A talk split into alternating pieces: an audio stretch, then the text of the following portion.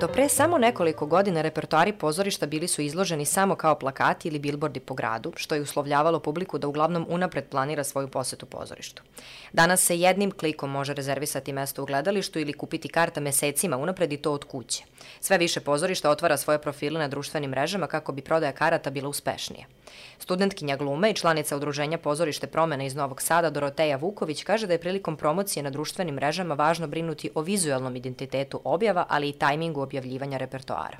Ono što je kod nas zastupljeno jeste to da kada objavimo repertoar, mi pratimo koliko karata je prodato za određenu predstavu. A ako prodaja karata ide loše, a datum igranja predstave se bliži, onda pojačavamo niz objava, storija, kako god, i sponzorisanih objava na, na društvenim mrežama. Kao studentsko pozorište, pozorište promena funkcioniše isključivo angažovanjem studenta. Jelena Nedaković, studentkinja i članica ovog pozorišta, rekla je da obaveze na fakultetu često ne dozvoljavaju da se u potpunosti posvete marketingu na društvenim mrežama, ali i da je to neophodno jer jedino tako komuniciraju sa publikom.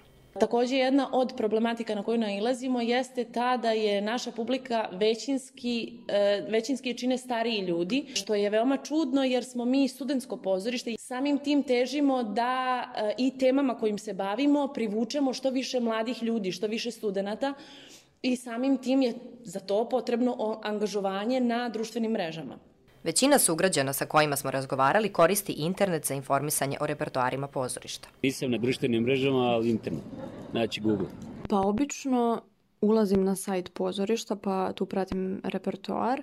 Pa sada imam aplikaciju pa preko nje. Svratim do pozorišta i uzmem ovaj flyer, njihov repertoar ili na, na sajt. Institucionalna pozorišta takođe koriste mogućnosti oglašavanja na društvenim mrežama. Pozorište mladih koristi Instagram, Facebook, Twitter i YouTube.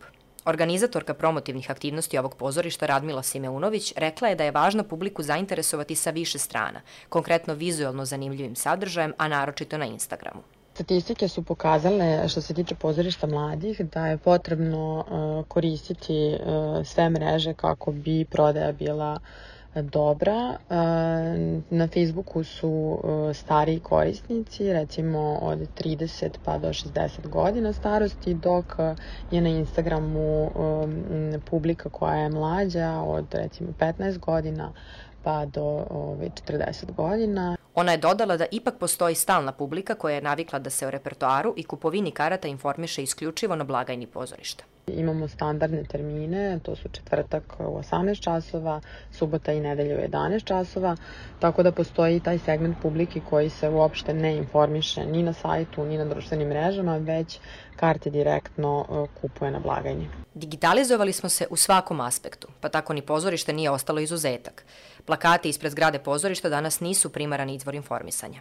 Društvene mreže postale su prostor gde se publika primarno informiše o repertoaru i pogodnostima pozorišta, a tako kažu i naše sagovornice. Mreže targetiraju različite starostne grupe, Facebook starije, a Instagram mlađe korisnike. Bitno je samo prilagoditi im sadržaj.